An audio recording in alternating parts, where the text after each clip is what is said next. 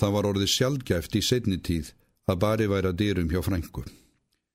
Henni var því ekki láandi þótt hún hlip ekki upp til handa og fóta við högga út í dyrnar.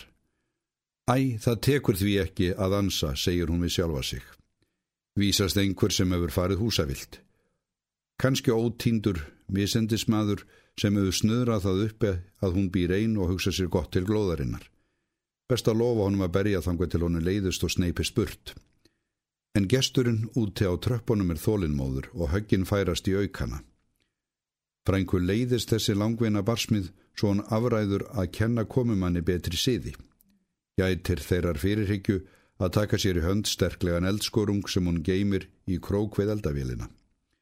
Með hann í höndunum heldur hún til dýra og hefur var á að opna ekki meira en svo að hún geti skellt í lás ef henni þóknast ekki útlitt gestsins en varuð hennar rekkur ekki til, því strax og hurðin gefur eftir stjakar gesturinn svo óþyrmilega við henni að frænka missir af henni tökin og hröklast innar í forstofuna. Þar stingur hún við fótum og reyður upp skörungin því lífsitt og heiður skal hún selja dýrt ef í það fer. En komumadur verðist ekki hafa neitt það í bígerð sem hún vænir hann um. Þarna stendur hann rétt innan við þröskuldin fít maður eftir fötunum að dæma og skelli hlær svo glímur í húsinu. Það verður ekki logið á þig, Franka. Þetta léki engin eftir þér, tekst gestunum að stinja upp þegar hann hefur hleyið næju sína í byli. Þú ert óborganleg, alveg óborganleg. Skörungurinn skellur í gólfið með glamri og rödd Franku er ekki burðug þegar hún loks kemur upp orði. Það ert þó aldrei þú sjálfur, Fredrik. Hver ætti ég að vera annar? spyr gesturinn. Já, eins og þú sérð er Fredrik sýstursónur þinn komin í heimsókn og búin að berja svo lengi að ég var farin að halda þú lægir hér stein döð og kannski getun upp á músum. Hispurslaus eins og fyrir daginn. En Frank er ekki búin að jafna sér nægilega til að setja ofan í við hann fyrir orðbræðið. Hvernig í óskupunum átti mér að detta í hug að það væri þú, Fredrik? Þú hefur ekki komið svo lengi, ég var næstum búin að gleima að þú væri til. Já, það eru ár og dagar síðan ég hef heimsótt ættina, segir Fresturssonur. Og þegar ég svo heidra þig með heimsókn minni, tekur það mótið mér eins og ég var í glæpamaður. Forláttu, Fredrik, segir Franka yðrandi, það er aldrei að vita hver ég er berja að dyrum hjá manni. Og eins og þú líklega veist, bý ég hér einn. Allt í lagi, Franka, allt í lagi. Þú rekur mig ekki á flótta þóttu vaður á móti mér með eldskórungað vopni. Ég dáist að þér. Það er einhver kerlingavæflan í þínum spórum skriðið undir rúm eða stokkið út um glugga. Farður frakkanum og takta þér hattir, Fredrik, segir Franka á góðum vegi með að verða sjálfur í sér lík. Þú stansar auðvitað. Takka þér fyrir, Franka, segir gesturinn og losa sig við yfirhöfn og höfuðfatt. Smá stund get ég dokað við gengur svo beint til stofu og meðan Franka læsir út í dyrunum. Franka snýr sér að kaffihittin í eldhúsinu en Fredrik lætur fara vel um sig í gamla faktorstólnum.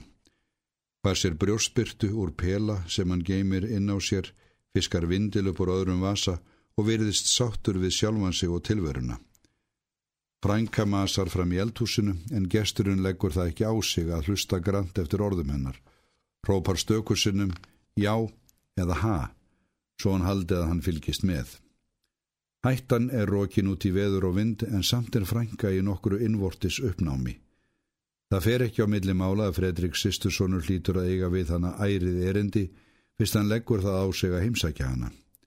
Þegar hann var í tíum við lardomskiðjuna í höfustafnum kom hann stökur sinnum í húsið en kannski var ó stert til orða tekið að bendla þær heimsóknir við ættrækni. Hann var þó æminlega látið njóta þess að hann var eini möguleikin til að framlengja faktorsættina, svo aldrei fór hann þaðan tómhendur með öllu. Hugmyndir frængu um það, hvað hægt væri að komast af með af skotsilfri voru að vísu í rópandi mótsögn við þarfir og lífsvennir frændans.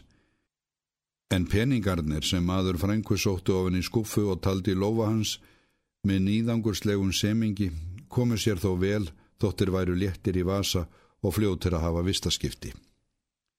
Sistir Frængu, móðir Fredriks, hafði fengið því ráðið að hann var heitin í höfuð dönskum kongjulöngu döðum er í eina tíð hafði heidrað ættina með orðu fyrir röggsamlega framgöngu hennar í því að ríja einað skinni undir sáta hans hátignar á þessum útnára ríkisins.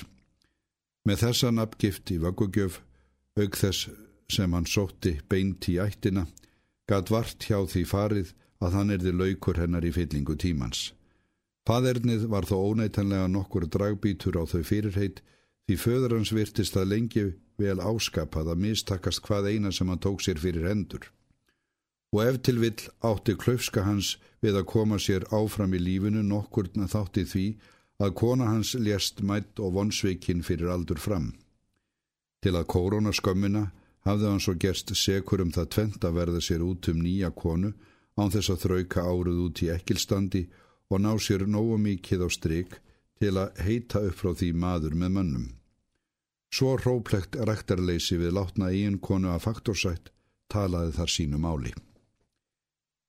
En ekki gæt reyngurinn Fredrik Kongsnafni gert að því hvernig hann var að heiman búin í föðurætt. Hitt skipti höfuð máli að hann sór sig fljótlega í þá einu og sönnu ætt um glæsilegt útlitt og vonandi hæfileikana líka. Honu var því ætlaður veraldlegur frami þótt kostnaðarliðin í sambandi við þá framtíðar drauma væri ekki alltaf með hýrri há. Brænka hafði aldrei látið hjá líðað áminna hann um ástundun, ráðdeild og sparnað, en þessar lofsverðu digðir urðu frændunum snemma kvimleiðar, þóttan yrði laungum að þóla ráðríki þeirra výlir nöðsinn. Eftir skrikkjóta námsbröyti Reykjavík hjælt hann utan og dvaldi tvö ári í höfuðstað danskra til að auka á lærdomsframa sinn. Í þau vertíðarlokk hafði hann svo komið heim til föðurhúsana byrgur af skuldum auk lífsæreinslu sem ekki var virt til fjár. En lánið var honum innan handar því fljótlega eftir heimkomuna tókst honum að verða sér út um sísluskrifarastöðu í fjarlægum landsfjörðungi. Þótti það fín staða því enn var ekki með öllu þorrin virðing almúans fyrir þeim sem völdust til að gæta laga og réttar í landinu. Og nú er Fredrik kongsnafni sestur inn í stofu hjá frængu eftir ár og dag. Glæsilegur maður, velbúin að klæðum og heimsmannlegur í fasi. Hvað sem honum kann að liggja á hjarta skal hann ekki þurfa að kvarta undan viðtökunum. Frænga bætir í bollan hans í apnharðan og sér í botn og byður hann fyrir alla muni að forsmá ekki bakkelsið. Fredrik Sisturssonur hælir kaffinu og kökunum þótt þar séu ekki nýjar af nálinni, slær henni gullhamra staðhæfir að hún hafi yngst í útliti um þó nokkur ár og haldi hún því áfram mun hún ekki lengi þurfa að kvíða einlífinu. Er svo mælskur og orðfimur að frænka verður að láta í minni pókan. Fer sér þó hægt að lýsa ákveðnu erindi en nálgast það markvist samkvæmt þraut hugsaðri áallun. Það eru sögð mörg orð áður en líkur og frænku ekki lágandi þótt hún sé orði dáli til ringluð í höfðinu þegar sagan er öll. Fredrik Sisturssonur leikur hlutverk sitt af ósveikin innlifun. Hann er komin langt að til að ræða við hann að mál sem varða rættina og ekki verður dreyið á langin. Leiðenda uppákoma eins og allt er í pottin búið, því er ekki að neyta og tölvert í húi fyrir vissan aðila. Frænka má þó ekki halda að hann eigi þar einn alla sög þó tónun sé máli skilt Þegar öllu er á botnin kvöld er aðild hans að þessu máli naumast umtalsverð ef ekki kæmi til svo staðrind að hann gegnir þýðingar mikill ábyrðarstöðu sem blettur og rukka má ekki falla á. Fredrik, tekst Frank á skjótinni, áttu við að þú hafi verið lendi í einhverju klandri? Klandri? Já, það fyrir auðvitað allt eftir því hvaða merkingar lögði það orð. Er það kannski út af peningum? Góða Franka, Svona mátti ekki einu sinni hugsa, nei það er allt í stakasta lægi með fjármálinn. En hvað er þá eiginlega að Fredrik? spyr Franka og er ekki alls kostar með á nótunum. Hvenn maður? Nánar tiltekið ung stúlka og ekki sem verst útlítandi. Það má hún eiga. Áttu við að það hafi verið eitt hvað á milli þín og hennar. Það er vist ekki hægt að kalla það öðru nafni. Það vildi svo slísalega til að það var úr því barn. Já, hérna, Fredrik. Þú ert þó ekki að segja mér að þér hafi orðið það á að eignast barn í lausaleik. Barn er það? ekki um neitt að villast. Og ég get ekki svarið það af mér að hafa lagt í púkið, þar stendur nýfurinn í kunni. Sæði ég þér ekki margsinni sérn á árunum, Fredrik, að þú ættir að gæta þína ungum stúrkum, það er alltalað að þær séu ekki vandara virðingu sinni núorðið. Og ég hef haft í fullu trefi þær fram að þessu, segir Fredrik kongsnafni drjúur. En þarna varð með samtalt á því, tilgangslaust að þræta fyrir það. Já, mér þykir þú segja fréttir, segir frænka mætt, en fyrst svona fór sé ég ekki fram á annað en að þú verður að giftast stúlkunni. Enda þótt hún sé þér kannski ekki sambóðin. En Fredrik kongsnafni er á öðru máli. Þú þekkir mig ílla frænka, ef þú heldur að ég láti hvaða stelpugálu sem er plata mig í hjónaband, vegna þess eins að hún kenni mér krakka. Nei, það eru takmörk fyrir því hvað ég læt bjóða mér. Hvað getur það annað gert, Fredrik? Ég er ekki búin að hrista allt úr skjóðun en þá, frænka. Sjáðu til. Ég byrjaði að gamna mér svo litið við hana, mest út úr leiðindum. Nú, og hún er strax til í tuskið, en það er af og frá að ég gæfi henni eitt eða neitt undir fótum fram yfir það, en svo demdist þetta yfir mann eins og þrjumór heiðskýru lofti að stelpan er orðin bandólétt áður en mér gafst ráðrúm til að blása úr nös. Gáleysið hefni sín æfinlega, segir Frænka. Ég er ekki komin til að hlusta á síðferðisbreytikanir, Frænka gamla, segir frændin snöggur upp á lægið. Skinsamlegar tillögur tekja sjálfsögðu til greina og til þess er ég komin að leita ráða hjá þér. Er ég kannski ekki sýstu sonu þinn? Nú, og af því leiðir að þér er máli skilt. Svona, svona, Fredrik, verð ekki svona æstur.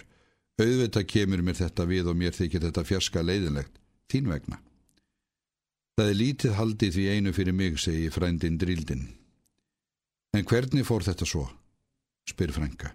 Nú, mér tóst að bjarga málinu bili með því að koma stelpunni burtur úr plásinu í tíma og satt að segja vissi ekki annað en allt væri punktum og basta. Sjáum til, segir frænka. Þetta hefur þó farið betur en áhorðist. Historien er ekki búinn, segir frændin Daprari. Nú er hún búin að senda á mig þennan draug sem átt að vera kveði nýður í eitt skipti fyrir öll. Og hvað kemur til? Takktu nú eftir. Stelpan tók upp á því að trúlofa sig sjóarabullu sem ætti betur heima neðan sjáar en ofan. Mér finnst það almennilegt af henni stúlku tauturinn, segir frænka. Nei, henn er þá ekki alls varnað. Bittu hæg, frænka. Þú átt eftir að skipta um skoðun. Þessi fjörulalli setur það á ottin að hún losi sig við strákin. Það er þá drengur, segir Franka. Hann segist vera einfærum þar sjálfur að búa til sín eigin börn og af og frá að hann þykji þar nokkuð af öðrum. Fyrman og vera helvítis hrókin. Fredrik, segir Franka ströng, ég kann ekki við svona orðbræði mínum húsum. Breytir engu, segir frendin, en þarna liggur samt hundurinn grafin hvaða nafni sem það er kallað. Já, karlmenn eiga það til að gera sér háar hugmyndur um sjálfa sig, segir frænka. En hvað segir stúlkan sjálf? Lætur hún bjóða sér svona? Ekki ber á öðru. Það byrjaði með því að hún skrifaði mér bref og kræðist þess að ég tæki strákin upp á mína arma. Það var útilokkað að ég geti sendt henni línu því að það er hægur vandað að misnúta bref ef í það fer svo ég ætlaði að humma þetta fram að mér. En hún var ekki að baki dottinn og let sig hafa það að koma askvaðandi fyrir skemstu og án þess að gera bóð á undan sér. Óð meira að segja inn á mig í skrifstofutíma og hótaði að setja allt á annan endan ef ég makkaði ekki rétt. Nú dáma mér ekki, tekst Frankostinni upp. Hvernig fór þetta eiginlega? Ég reyndu auðvitað að tala um fyrir henni, síndi henni svart og hvítu að hún hefði engan rétt til að krefjast eins eðan eins að mér. Þetta hefði allt verið klappað og klárt okkar í milli. Svo hefðu hún heldur ekki tekið steinin í staðin fyrir þetta lítilræði því þér að segja frænka. Hafði ég orða að borga henni fyrir að flíka ekki faderninu. Ég benti henni á að hún væri þó móðir drengsins og vilja losna við hann væri næstum það sama og bera hann út en slíkur verknaður væri stórglæpur sem varðaði við lög. En hún hlópar upp í opi geð á mér, tæfans og varna og sagði það dálítið annað að bera út barn eða koma því til föðurhúsana. Þessu slengdi hún framann í mig og það í sjálfri skrifstofu ennbættisins. Já, bara engin orð, hvíslar frænka. Það var með hörku bráðum að mér tósta kríu út að dálítinn frest til að hugsa málið heldur frændin áfram. Með einhverjum ráðum varði ég að koma í veg fyrir ofinbert uppistand og frestur er þó alltaf frestur þó aldrei hans sé nema gálgafrestur. Ég verða að segja að þetta lýsir ekki vönduðu innræti hjá stúrkunni, segir frænka eðurlögð. Hún veit hvað hún má bjóða sér, gálans og varna, því auðvitað fer hún nærrum að það stendur bölmanlegi bólið mitt eins og sækir standa. Ég er að segja frænka, er ég svo gott sem trúlofaður dóttur gamla síslumannsins. Hún er nýkominn frá útlöndum og fjallmyndarleg hvar sem á hann er litið, en dáliti stóru upp á sig eins og embættið. Mér er sama, ég sjáu hana og heyri þegar hún, hún kemst að því að ég legg með mér barn í bú. Nei, svoliðis búsilag gerur hún sér ekki að góðu, stúlkan svo. Barn er þó aldrei nema barn, segir Franka. Það fyrir allt eftir því hver það er sem barnar hverja, segir Fredrik Kongsnafni. Já, það við þig, Fredrik, að þú takir þér ekki ósæmilu orði munn í mín eiru, segir Frank aðvarandi. Töluð orð verði ekki eftir tekin, segir Fredrik Sisturssonur. Jæja, nú er ég búin að segja þér alla sólarsöguna og nú er komið að þér að leggja orði í belg. Þú ert varla búin að gleima því að við erum bara tvö einn eftir uppistandandi af þessari gömlu og virðulegu faktorsætt sem aldrei mátti vamsitt vita í neinu. Þrjú, leiðir eittir frænka, eða neytarði því að drengurinn sé sonur þinn. Forláttu frænka. Ég verði vist að kingja þeim bita eins og allt er í pottin búið. Frænka er tekin að róa fram í gráðið eins og til að ítaundur hugmyndaflugið sem fram að þessu hefur átt erfitt uppdráttar. Mér þykir þú segja fréttir, Fredrik, segir hún. Verða þér út um þetta og halda svo að ég geti hjálpað upp á sækirnar. Þú hefðir betur passað þig á stúlkun og byrt brunnin áður en barnið dætt ofan í hann. Það er varðlægið trúið því að svona skildi henda þig af okkar stoltu og siðsömu ætt. Varð ekki aláð því enþá einu sinni, segir frendin Argur. Nú gildir það eitt að bjarga því sem bjargað verður. Ég er orðin svo ringluð að ég veit varðla mittur júkandi ráð, segir frænka sannleikanu sangfæmt. Aldrei hef ég þurft að standa í svona. Það veit sá sem allt veit. Auðvitað gerir ég mér grein fyrir því að það verður að bjarga heidri ættarinnar. Ég þarf bara að átta mig svo litið betur á þessu öllu saman. Komda aftur setnipartin á morgun, Fredrik, ef þú vilt þá ekki gista hjá mér. Við verðum bæða að byggja til Guðsínótt að rætist úr þessu. Helst vil Fredrik Kongsnæfni sjá fyrir endan á þessu máli strax en gerir sér þó ljóst að það getur verið tvíbentur ávinningur að ganga lengraða sinni. Hann aftakar gistingu og býst til ferðar. Lætur sér linda að frænka kissi hann á vangan, að skilnaði og byggja Guð að styðja hann og styrkja. Frænka stendur litla stund á dýrapallinum og horfur á eftir honum niður götuna. Það leynir sér ekki að þar fer maður með faktorslega reist í baksvipnum. En um það er heldur ekki að villast að hann hefur hlotið í arf helst til ríflegan skamta mannlegum briskleika ættarinnar en forverar Fredriks kongsnafna voru honum það fremri að þeir áttu líka í fórum sínum fágæta hæfileika til að koma sér svo vel í mjúkin hjá guðunum að þeim auðnaðist æminlega að vaksa af áverðingum sínum. Frænka andvarpar dálítið yfir spillingu heimsins þegar hún hverfur aftur inn í húsitt og þetta kvöld er einmannaleikin þar aðsópsmeiri en nokkuru sinni fyrr svo nú verður ekki lengur undan því skotist að rökva eða stökva. En valið stendur ekki lengur um kvolp eða kettling. Agnar lítil mannvera hefur rutt sér til rúms í hugskóti hennar og lætur ekki vísa sér á dyr.